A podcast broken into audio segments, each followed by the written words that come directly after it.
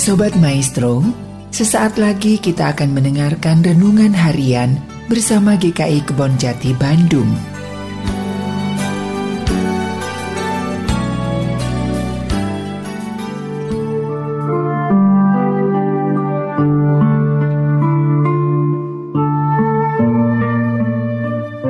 Halo, Bapak, Ibu, Saudara yang dikasihi Tuhan Yesus Kristus. Jumpa kembali dengan saya Esther Solihin dalam renungan harian hari ini. Saya memberi judul renungan harian hari ini Salib Kita Hari Ini. Diinspirasikan dari buku seri Selamat karangan pendeta Emeritus Andar Ismail, seri Selamat Berteduh. Firman Tuhan saya akan bacakan dari Matius 11 ayat 29 dan 30. Pikulah kuk yang kupasang dan belajarlah kepadaku. Karena aku lemah lembut dan rendah hati, dan jiwamu akan mendapat ketenangan. Sebab kuk yang kupasang itu enak dan bebanku pun ringan.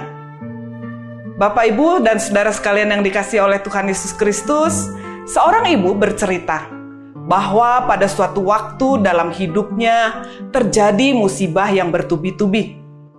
Suaminya terkena stroke dan harus dirawat di rumah sakit. Sebagai keluarga yang hidup pas-pasan, tentu saja mereka mengalami kesulitan biaya untuk merawat suaminya di rumah sakit. Tiga minggu suaminya di rumah sakit. Apesnya, saat akan membayar biaya rumah sakit, di depan loket pembayaran, si ibu baru tahu bahwa tasnya yang berisi uang disayat dan uangnya hilang. Terpaksa dia harus menjual satu-satunya motor yang menjadi andalan transportasi bagi anaknya untuk kuliah. Sebulan kemudian, ternyata dia mengalami rumahnya kebanjiran. Padahal ibu ini berkata, selama ini dia bekerja seperti kuda tanpa istirahat untuk mencari uang dan merawat suami yang terkena stroke. Maka suaminya ini jelas emosinya tidak stabil. Si ibu ini diomelin, disalah-salahin, padahal mulai dari menyuapi makanan dan membersihkan tubuh suaminya, dia lakukan tanpa perawat atau pembantu. Ketika banjir reda, dia harus membersihkan lumpur yang mengotori rumah. Dan ternyata musibah lain menimpa. Anaknya jatuh dari bus kota ketika akan ujian skripsi. Bus yang ditumpangi sudah berjalan saat sang anak belum menjejakkan kedua kaki di jalan. Anaknya juga perlu perawatan dan harus menunda satu tahun untuk ujian skripsinya. Musibah bertubi-tubi, itulah salib yang harus dipikul. Tetapi entah bagaimana, setiap hari ibu ini selalu merasa bahwa ada kekuatan baru untuk menjalani hari-hari yang berat. Satu persatu dijalani. Dia bersaksi dan berkata, "Kalau dipikir lagi, mengapa aku bisa bertahan menghadapi musibah yang beruntun? Tiba-tiba aku bisa menjadi perawat sekaligus mencari uang, bisa jongkok dan bangun menyikat lumpur akibat banjir, bisa menggotong anak yang kakinya patah ke dokter. Aku heran, mengapa musibah terjadi bertubi-tubi. Tetapi di lain pihak aku juga tidak habis mengerti mengapa Tuhan Yesus begitu berbaik hati memberi aku kemampuan, kekuatan, kesabaran melewati hari-hari yang berat.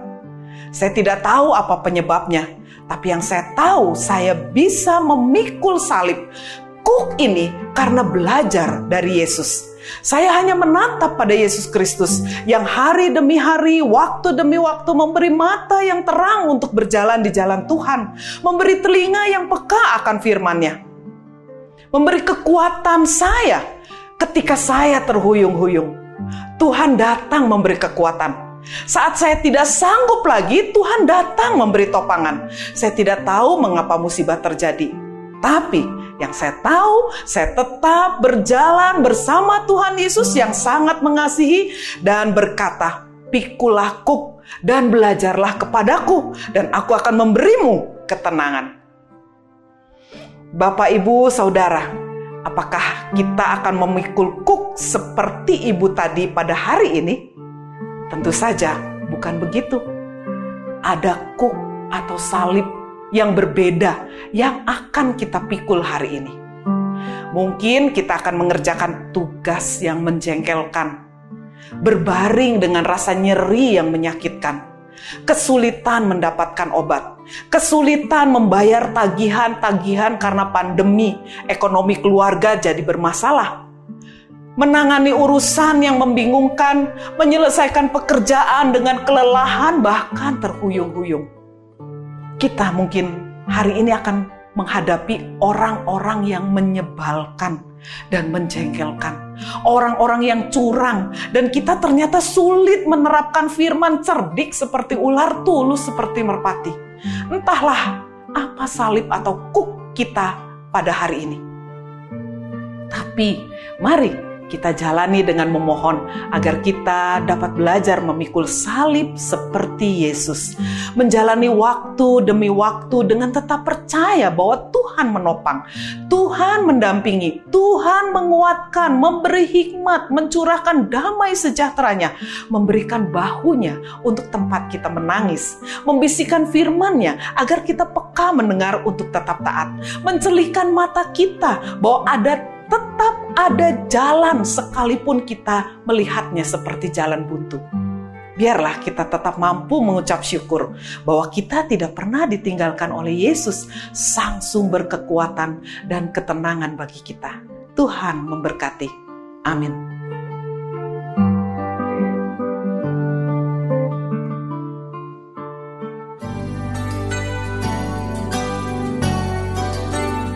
Sobat Maestro, Baru saja Anda mendengarkan renungan harian bersama GKI Kebon Jati Bandung. Tuhan Yesus memberkati.